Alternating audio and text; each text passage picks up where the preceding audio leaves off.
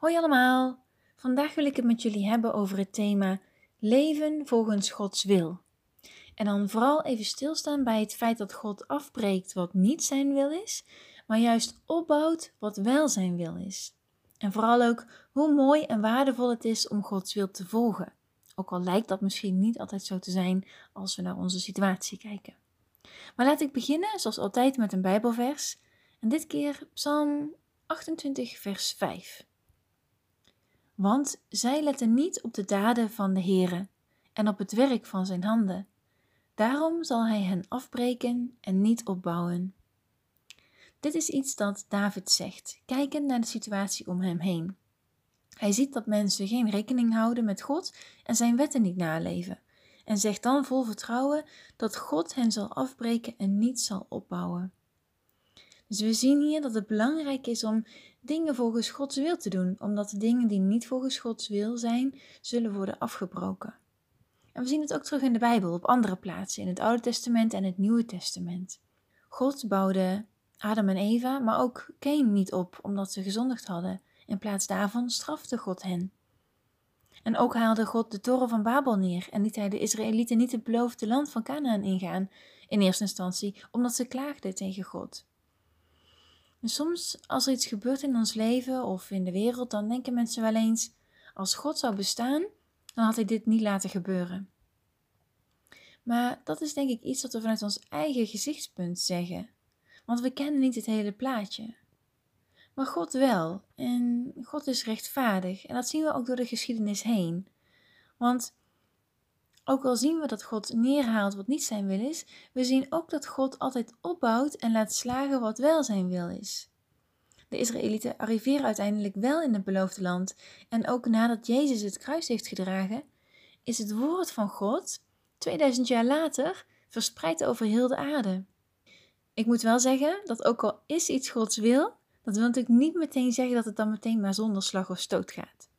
Jezus zegt in Gelaten hoofdstuk 6 vers 7 wat een mens zaait, zal hij ook oogsten.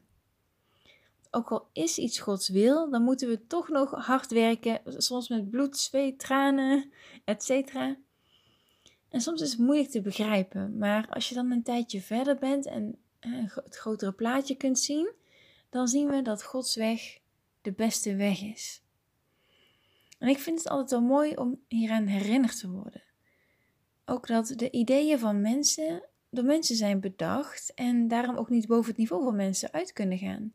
Maar Gods gedachten zijn zoveel groter en hoger dan onze gedachten en daarmee is Gods wil ook zoveel beter dan onze wil. Voordat Jezus stierf aan het kruis, bad hij tot God: Laat niet mijn wil, maar uw wil geschieden.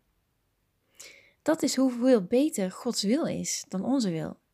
Dat Jezus voor zijn dood kan zeggen: Laat Gods wil geschieden omdat hij weet dat Gods wil zoveel beter is. Nou ja, wat is dan Gods wil?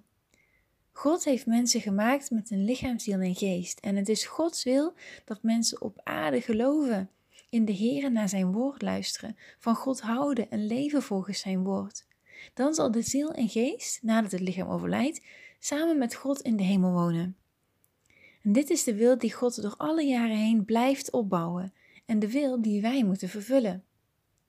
Dus de vraag is dan aan jou en aan mij: leven wij volgens die wil? Of leven wij aan de hand van onze eigen gedachten in ons dagelijks leven? Blijven wij wel eens slapen terwijl we naar de kerk zouden gaan? Of kijken we toch nog even Netflix terwijl we eigenlijk de Bijbel zouden lezen?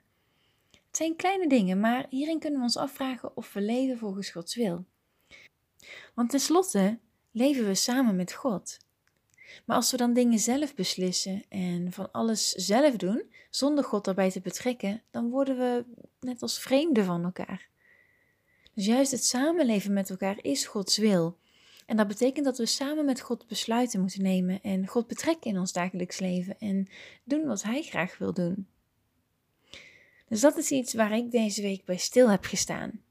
Doe ik dingen samen met God volgens Gods wil of doe ik dingen vanuit mijn eigen gedachten en mijn eigen wil? Nou, dit blijft mijn reflectiepunt voor de komende dagen. Reflecteer jij met me mee?